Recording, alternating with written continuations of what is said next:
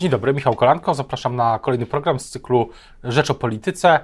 Trwa kolejny, trwa polityczny tydzień, bardzo wiele tematów od kwestii bezpieczeństwa po sprawy bardziej polityczne i o tym wszystkim będziemy rozmawiać już za chwilę. A Państwa i moim gościem jest dzisiaj dr Błażej Poboży, wiceszef MSWiA i radny miasta stołecznego Warszawy. Dzień dobry.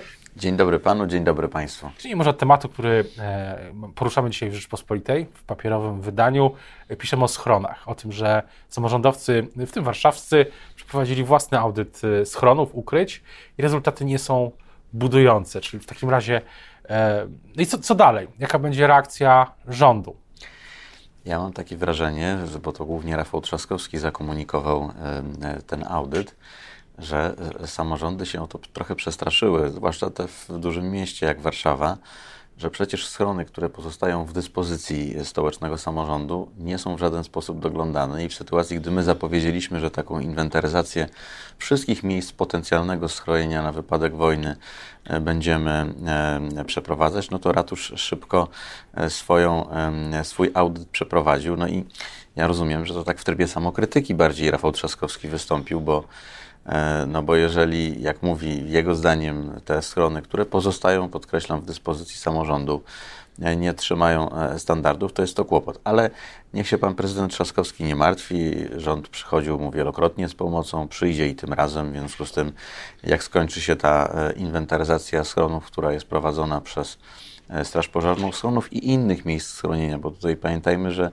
E, w dzisiejszym świecie nie myślimy kategoriami lat 70. czy 80., gdzie schron był pewną określoną konstrukcją, zarówno jeśli chodzi o ten wymiar inżynieryjny, ale także i, i, i kwestie wyposażenia, tylko tę funkcję wypełnia bardzo wiele e, elementów Czyli infrastruktury dwa, krytycznej, na przykład metro. To są dwa, dwa wątki, albo nawet trzy. Jeden to jest pytanie, samorządowcy mówią o pewnym problemach z przepisami, o tym, że to wszystko jest zawieszone w pewnej próżni. Więc pytanie, czy będzie jakaś nowa legislacja dotycząca miejsc ukrycia i schronów? Znaczy, przede wszystkim y, samorządowcy podkreślają tutaj na to, że jeszcze nie obowiązuje ustawa y, ta o obronie y, cywilnej, ustawa, która wprowadza te dwa nowe stany, stan pogotowia i stan zagrożenia, ale no, to jest etap już myślę finalny, więc za chwilę te przepisy będą obowiązywały, ale stanowczo dementuje te słowa czy sugestie wychodzące między innymi od Rafała Trzaskowskiego, że żyjemy w jakiejś tutaj legislacyjnej próżni, bo przecież żyjemy w czasach zarządzania kryzysowego. E, no co jak co, można różne rzeczy próbować zarzucać rządowi Prawa i Sprawiedliwości, ale akurat w sytuacji zarządzania w kryzysie to sprawdziliśmy się jak mało kto. No tutaj wiele, w zasadzie od wiele, lat funkcjonujemy w zarządzaniu kryzysowym. To byłoby bardzo, to, to, jest dyskusyjna teza i myślę, że moglibyśmy rozmawiać jeszcze o najbliższą, najbliższą, najbliższą Pewnie, godzinę tak. o tym, o, o, tych, o zarządzaniu kryzysowym przez ostatnie dwa lata, ale wracając do tych wątków dotyczących schronów, ale pytanie myślę, nasi widzowie, słuchacze, drugi wątek jest taki, skąd ta inwentaryzacja i czy ma ludzie mają się czego obawiać. Skoro nagle, nagle przez ileś e, miesięcy, lat. Konflikt na Ukrainie trwał od 2014 roku, a dopiero teraz ta inwentaryzacja, no i e, rozmowy o schronach przeciwatomowych, e, zagrożeniu. Czy to jest ja sygnał, mam, że jest się czego obawiać? Ja myślę, że będą potrzebne w tym roku? E, jesteśmy członkiem Paktu Północnoatlantyckiego i e, wszystkie analizy, zarówno te, które są analizami o charakterze publicznym, jak i te, które są opracowywane na użytek wewnętrzny i w tym zakresie można o tym mówić, wykluczają w tej chwili konflikt z udziałem NATO z udziałem Paktu Północnoatlantyckiego, czyli wykluczają zaatakowanie przez Rosję któregokolwiek z państw sojuszniczych, co automatycznie zgodnie z kazus Federis, artykułem 5 bodaj, e, oznaczałoby uruchomienie tego systemu sojuszu no i wejście w, w stan otwartego e, konfliktu i wojny. W związku z tym to wykluczamy. W związku z tym y, wszystkie te działania, także te dotyczące w tym wypadku y, schronów, czy w innym, który jest jakoś tam w mojej agendzie w resorcie, czyli na przykład dystrybucji i odkup potasu, są to działania, które mają charakter wyprzedzający, rutynowy. My po prostu jako odpowiedzialna władza, odpowiedzialny rząd przygotowujemy się na warianty, które nawet wydają się nieprawdopodobne. I to dzięki temu, że często nasze działania mają charakter wyprzedzający, gdy stają się rzeczy czasem, można powiedzieć, niemożliwe, my jesteśmy na nie przygotowani. Ja zawsze będę to podkreślał, że w kilka godzin po rozpoczęciu tej nowej fali e, rosyjskiej e, agresji na Ukrainę, tego konfliktu po 24 e, lutego bieżącego roku, myśmy w kilka godzin później na granicach mieli gotowe punkty recepcyjne. Każdy uchodźca dostawał ulotkę i wiedział, gdzie ma się udać. To jest przykład, jak działa sprawne państwo, odpowiedzialne państwo, które przygotowuje się nawet na rzeczy niespodziewane. Ale też pytanie, czy będzie jakiś nowy program rozbudowy tych schronów, miejsc ukrycia? Czy, bo ta inwentaryzacja, rozumiem, to jest przygotowanie na przykład do, czy może ktoś to zrozumieć, że y, będzie nowa faza właśnie budowy, czy kolejna faza nie, znaczy, rozbudowy tych schronów. To kwestia... Chyba 2% ludności jest teraz, może się schronić. No właśnie to jest ta różnica. Ja mam czasem wrażenie, że y, ta narracja, która wychodzi od opozycji, no, ujawnia absolutny brak zorientowania w, w, tej problematyce. To jest takie myślenie trochę w kategoriami lat 80. czy 90 albo nawet i wcześniej, takich zimnowojennych wręcz, że e, miejsce schronienia musi oznaczać, e, musi oznaczać jakiś schron, który bardziej dziś widzimy, nie wiem, na filmach historycznych. No absolutnie nie. Miejsca schronienia, co widzimy chociażby na przykładzie Ukrainy, ale co także jest kwestią e, Europy Zachodniej, to wielopoziomowe podziemne garaże, to sieć kolei miejskich, niestety w Warszawie bardzo mała, ale... Rozbudowywana. Coraz nowe nie, stacje, metra, ale, stacje metra pojawiły się. Ale absolutnie w tym roku przeciwnie. chyba 3, 6? Panie redaktorze, przeciwnie. Rafał Trzaskowski jest pierwszym prezydentem, odkąd rozpoczęła się inwestycja w stołeczne metro, który zatrzymał budowę metra. Warto mu to wypominać, bo przecież licytował się z Patrykiem Jakim. Ale, ale które, a które linie zatrzymał? Zatrzymał prace związane z, e, z budową e, tych stacji e, dodatkowych na pierwszej nitce linii metra, zatrzymał prace, jeśli chodzi o wykonawcze, poza tymi stacjami na drugiej linii metra i nie prowadzi żadnych prac ani koncepcyjnych, ani analitycznych, a powinny być już przetargowe, związanych z trzecią Ale wracając do, wracając, do, wracając do tych miejsc ukrycia, a potrzebne będą, będą może jakieś ćwiczenia na szerszą skalę? Czy na przykład dzisiaj, gdyby okazało się, że trzeba się schronić w metrze albo w parkingach wielopoziomowych, to ludność Warszawy, ludność miast znaczy, Polski to, miałaby... się, że gdybyśmy pociągnęli tę dyskusję w tę stronę, moglibyśmy wywołać zupełnie niepotrzebne e, elementy jakiegoś zagrożenia, nawet w skrajnym przypadku paniki. Ale oczywiście w sytuacji, gdy zdarzy się niemożliwe, no będą uruchomione wszystkie te mechanizmy i będące elementem zarządzania kryzysowego i wyczerpujące znamiona obrony cywilnej, które oczywiście będą oznaczały konieczność jakichś ekstraordynaryjnych działań. Ale najważniejszą rzeczą w sytuacji, gdyby, przy czym cały czas mówię warunkowo o sytuacji, która się nie zdarzy, ale gdyby doszło na przykład do a, jakiegoś nalotu, ataku bombowego, no to wtedy e, ważne jest, i to jest najważniejsza informacja, aby obywatele znaleźli jak najszybszą, jak najkrótszą i bezpieczną drogę do bezpiecznego miejsca schronienia. I mamy takie e, narzędzie, które e, jest opracowywane, które będzie temu. E, będzie tej aplikacji, która. Tak, mówimy o takiej specjalnej aplikacji, która wskaże najbliższe miejsce schronienia.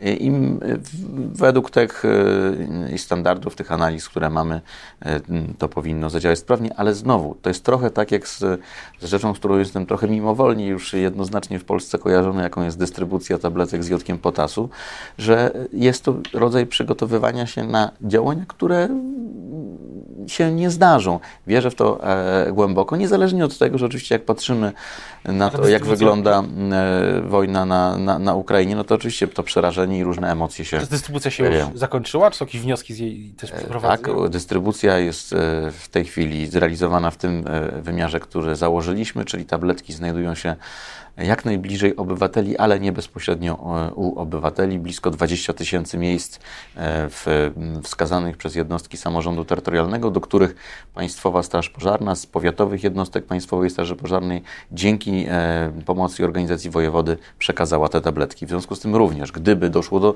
z kolei takiej sytuacji, którą to podkreślam raz jeszcze, wykluczamy na tym etapie, to i na to jesteśmy przygotowani, aby każdy obywatel Polski, który tego potrzebuje, taką tabletkę zawierającą ten stabilny jod, który blokuje przyjmowanie jodu, jodu radioaktywnego na wypadek skażenia będącego konsekwencją e, katastrofy e, elektrowni, mógł przyjąć. To mamy zabezpieczone. Z innych tematów, to dzisiaj minister Mariusz Kamiński poinformował, że Polska otrzymała 700 milionów e, złotych z Unii Europejskiej za działania na rzecz uchodźców z Ukrainy. Pytanie, co to za e, działania, gdzie te środki trafią, e, to jest jedna rzecz. A druga, no, politycy Prawa i Sprawiedliwości, prezes Kaczyński no, wielokrotnie mówią, postponują Unię Europejską, mówią, że Unia jest e, zła, ale te środki przyjmujemy.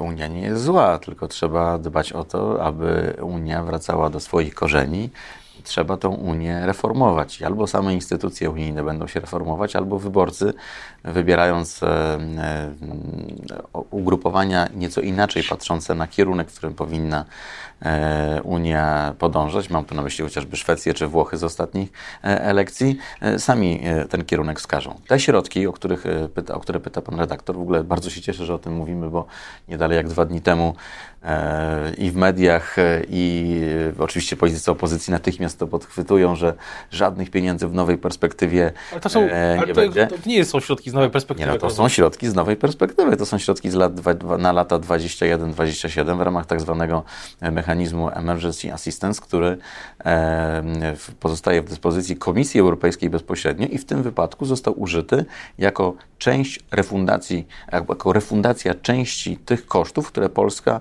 ponosiła od e, pierwszych dni e, po rosyjskiej agresji w związku z przyjmowaniem tej ogromnej fali e, uchodźców. To są giga, powiedzmy to mocno, bo to jest już w pierwszej transzy blisko 700 milionów złotych, a wystąpiliśmy jako resort MSWiA, bo my, bo te środki zasiliły fundusze bezpieczeństwa wewnętrznego będące w dyspozycji MSWiA.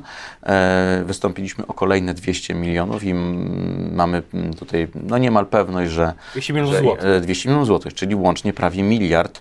E, oczywiście traktujemy to od początku, mówi o tym minister Mariusz Kamiński, jako rekompensatę za część tych e, ogromnych wydatków, które ponosiliśmy. I od razu odpowiem, że one zasilą przede wszystkim ten fundusz pomocy, który jest tym mechanizmem, z którego finansowane były i są nadal E, wydatki na uchodźców. Dobrze, ale co z funduszami spójności i fundusz, wspólną polityką rolną, bo te informacje medialne dotyczyły przede wszystkim, pisaliśmy o tym w Rzeczpospolitej w poniedziałek, przede wszystkim funduszu spójności, e, bo to są ogromne, ogromne środki i wydaje się, że ich e, ta, ta blokada to jest taki polityczny, polityczny i też to jest coś, co ma ogromny, miałoby ogromny wpływ na gospodarkę. Pan tak jako gościa e, tej audycji, zresztą bardzo się cieszę, bo bardzo dawno e, w tym formacie nie miałem przyjemności zagościć. I boję się, że jak powiem coś teraz e, niepopularnego, to może to będzie moja ostatnia wizyta, ale Niestety ten artykuł e, w Rzeczpospolitej no, oparty był na e, niestety na jednym tylko źródle. To Financial znaczy, Times, ale to, RMF no dobrze, inne ale, media też opisało ale, Panie redaktorze, no, i pan i ja wiemy jak to działa. Wystarczy, że e, jedno źródło wrzuca w przestrzeń publiczną jakąś informację i natychmiast jest, jest e, multiplikowane, kolportowane, rozszerzane, a niektórzy nie chcąc podawać źródła, na przykład jakim była Rzeczpospolita, próbują Dobrze. dotrzeć do tych samych ale, osób. Ale informacja wyszła od jednego z urzędników unijnych, który notabene, jak pokazały to natychmiast e, bardzo wstępne nawet e, analizy internetowe, jest po prostu związany ale z politykami te sygnały są szersze, te sygnały są szersze, to jedna rzecz. A druga, ale wracając do samych funduszy spójności, one samorządy dostaną,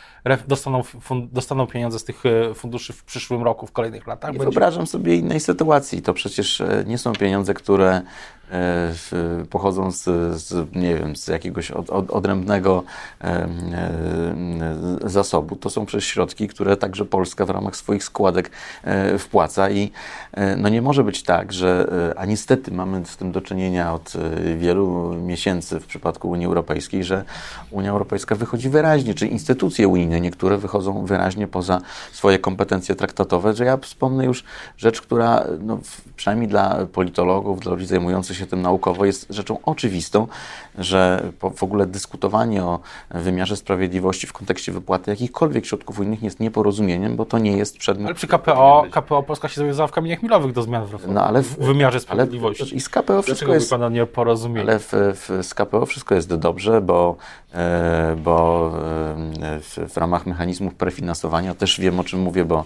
my także albo w, w, tym tygodniu jeszcze, albo w następnym podpisujemy już umowy na e, prefinansowanie i te środki, które w ramach KPO miały trafić znowu za pośrednictwem naszego resortu do tym wypadku służb podległych, czyli formacji podległych MSWiA trafią, no a potem oczywiście będziemy te pieniądze otrzymywać. I zarówno KPO, Fundusz Spójności Pan nie ma żadnych obaw? Znaczy, w dzisiejszym świecie mówienie o czymś na pewno jest e, obarczone bardzo dużym e, ryzykiem, e, ale nie widzę przesłanek do tego, aby środki z KPO miały do Polski nie trafić, ja, a już na pewno środki z, z Funduszu Spójności. Z drugiej strony opozycja, i to zapytam też politologicznie, opozycja mówi, że Donald Tusk mówi, że jak tylko E, zmieni się władza, to te środki do, do Polski trafią i to jest taki echo tego argumentu, który raz, raz już zadziałał. W 2011 roku kampania wyborcza do Sejmu i Donald Tusk, wtedy premier, mówi, że będą wynegocjowane środki z, kolei, z tej obecnej zresztą perspektywy budżetowej. To był jeden z argumentów wtedy też w finalnym etapie kampanii były spoty, 300 miliardów e, złotych. E, to zadziałało wtedy. Zadziała teraz? Nie, dlatego że Donald Tusk jest kimś zupełnie innym e, niż wtedy i kontekst, w którym występuje, jest zupełnie innym kontekstem politycznym. To jest polityk, który ma jeden z największych elektoratów negatywnych w Polsce. Pokazują to wszystkie badania. Ludzie pamiętają e, czasy rządów Platformy Obywatelskiej e, i Donalda Tuska, a on w tym swoim takim dziwnym populistycznym radykalizmie w, w, tych dziwnych, zupełnie niezrozumiałych wypowiedziach, jak na byłego polityka, chociażby w mediach społecznościowych, adresuje swój, swój przekaz wyłącznie do jakichś zradykalizowanych wyznawców jakiegoś skrajnego skrzydła tej opozycji. E, ja rozmawiam niejednokrotnie w, także z, z politykami opozycji i e, powiem szczerze, wielu z nich jest bardzo zdziwionych jakby tym, w którą stronę zmierza Donald Tusk, któremu się wydaje, że jest jakimś mężem e, opatrznościowym. Że jest byłem premierem, byłem szefem Rady Europejskiej. Byłem, byłem, byłem, ale także jest, to... jest politykiem, który no, pokazał, powiem tak, ja jak patrzę na sondaże dla Platformy Obywatelskiej, mówię jako politolog w tym akurat wymiarze, które pokazują poparcie sięgające 30%, to nie mogę wyjść z zdziwienia, że jeszcze 30% Polaków jest gotowych w tej sytuacji i w tym, e, gdzie zweryfikowana została chociażby cała polityka wschodnia Platformy Obywatelskiej, że jeszcze gotowych jest popierać środowisko, wiele, które było najbardziej prorosyjską formacją. Wiele osób, wiele osób, wiele osób, a wracając ten argument, wiele osób powiedziałoby, że gdy patrzy na sytuację w Polsce teraz, wiele osób, ktoś z opozycji powiedziałby, dziwi, że dziwi się, że aż 32-33% jeszcze popiera PiS.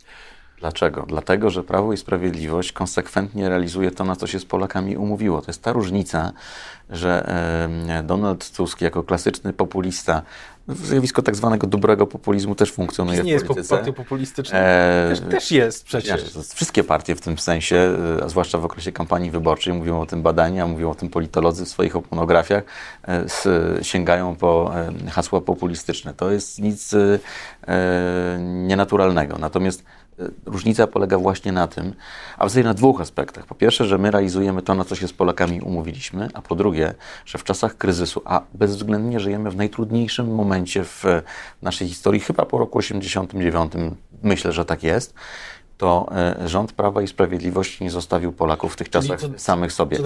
Platforma by ich zostawiła, bo pamiętamy, jak były mniejsze kryzysy zarządów Platformy, to jakie były sposoby? Podwyższanie podatków, zwiększanie wracając, danin. Wracając, ale teraz PiS, Warto PiS rządzi. Mówić. PiS rządzi teraz. Rządzi i nie zostawia rząd, nas prawa, e, czyli węgiel będzie. węgiel będzie. Węgiel już jest, tylko jest kwestia jego dystrybucji. To jest duża różnica, przyzna pan. To tak jak e... powiedzieć, że Wie pan, jest, Jestem tutaj, ale jest kwestia tego, mojej, mojego przeniesienia się na wakacje. To też nie, jest nie zgadzam różnica. Się, nie zgadzam się, panie redaktorze, chociaż bardzo jest to interesująca metafora, zwłaszcza biorąc pod uwagę to, jak jest coraz chłodniej na dworze. Ale, ale powiem tak, zupełnie serio, bo sprawy są e, ultra poważne. E, ja wiem, że nasza opozycja wykorzysta wszystko. Wykorzystywała nawet fejkowe informacje.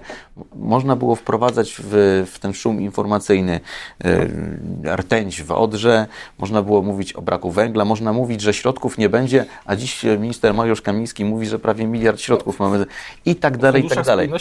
Jasne, ale panie doktorze, o czym mówię? E, my jednoznacznie wskazujemy, jedynym wąskim gardłem jest kwestia dystrybucji. Było spotkanie, uczestniczyłem w nim dwa dni temu w, w naszym resorcie z udziałem pana premiera. Była to odprawa z wojewodami, pokazaliśmy mechanizm działania i tej dystrybucji. Wiele samorządów samemu zwrócało się do nas, czy mogą włączyć się w to, aby pomóc swoim e, mieszkańcom, aby ten węgiel dotarł do nich szybciej. Kto protestował? Oczywiście znowu takie miasta jak Rafał Trzaskowski i Warszawa. A wie pan, panie redaktorze, co jest najzabawniejsze? Przecież to jest taki śmiech przez łzy w tej sytuacji, że w przypadku Warszawy zapotrzebowanie na węgiel sprowadza się, o czym powiedział sam pan prezydent Trzaskowski na swojej konferencji prasowej, do czterech pociągów. Czyli ten facet był gotów e, prezydent, wywołać... Prezydent. Tak, prezydent Warszawy. Przepraszam, czasem nie mogę się wprost powstrzymać, bo uważam, że to jest absolutnie najgorszy prezydent po e, roku 89 w Warszawie. Ten prezydent e, naszego miasta stołecznego był gotów wywołać potężny kryzys na linii e, część samorządów, e, e, państwo czy, czy rząd, dlatego, że nie potrafił zorganizować transportu czterech pociągów ale do Warszawy. Ale prezydent Trzaskowski przyjął zaproszenie premiera, był w KPRM, było spotkanie. No cóż miał przyjąć? Pewnie z, badań, pewnie z badań panu prezydentowi wyszło, że dalsze opieranie się w tej sytuacji i próba brania warszawiaków, tych nielicznych, którzy wykorzystują węgiel do ogrzewania w swoich domach, może narazić go na jakiś spadek czy utratę poparcia koniec, na koniec pytanie. Przerażająca sytuacja. Jak się w tej sprawie zachował, to w wielu innych pan prezydent. Na, na koniec pytanie jeszcze o sprawę z posiedzenia rządu. Centralny Szpital Kliniczny MSWiA zmieni się w Państwowy Instytut Medyczny MSWiA. No i pytanie, po co ta zmiana i od kiedy? O, mamy nadzieję, że od 1 stycznia i y, dziękuję za to pytanie, bo to jest y, chyba najważniejsza sprawa, którą od trzech lat, y, czy patrząc przez trzy lata, tak wa- dlaczego, dlaczego to jest tak Dlatego ważne? tak ważne, że wykorzystamy ten potencjał, który jest w, w, i w kadrze naukowej naszego szpitala. Tam jest przecież ponad 100 doktorów i profesorów, którzy dzięki temu, że powstanie Instytut Naukowo-Badawczy i będzie mógł korzystać z tych wszystkich przywilejów, które są właściwe placówkom naukowo-badawczym, między innymi jeśli chodzi o finansowanie zupełnie innych źródeł niż tylko e, w przypadku szpitala, e, ten ogromny dorobek naukowy, który każdego roku, każdego miesiąca jest udziałem naszej kadry CSK MSWiA, będzie mógł być umocowany pod tą afiliacją naszego instytutu i, no i to jest jeden wymiar, no a drugi to oczywiście ja to traktuję nawet w kategoriach symbolicznych. E, to, jak e, pokazała służba resortowa, resortowa służba zdrowia w pandemii, że dzięki między innymi takim szpitalom, bo przede wszystkim dzięki takim szpitalom jak e, CSK MSWiA i inne szpitale resortowe, zarówno monowskie, jak i MSWiA, zmierzyliśmy się z tą pandemią, to, to jest to taki też dodatkowy wymiar symboliczny pewnego hołdu dla tej naszej perły w koronie, jaką jest szpital przywołowski. O tym, o tej ustawie będziemy jeszcze mówić. Teraz bardzo dziękuję za rozmowę. Państwa i moim gościem dzisiaj był dr Błażej Poboży, wiceszef MSWiA oraz radny miasta stołecznego Warszawy. Dziękuję bardzo. Bardzo dziękuję.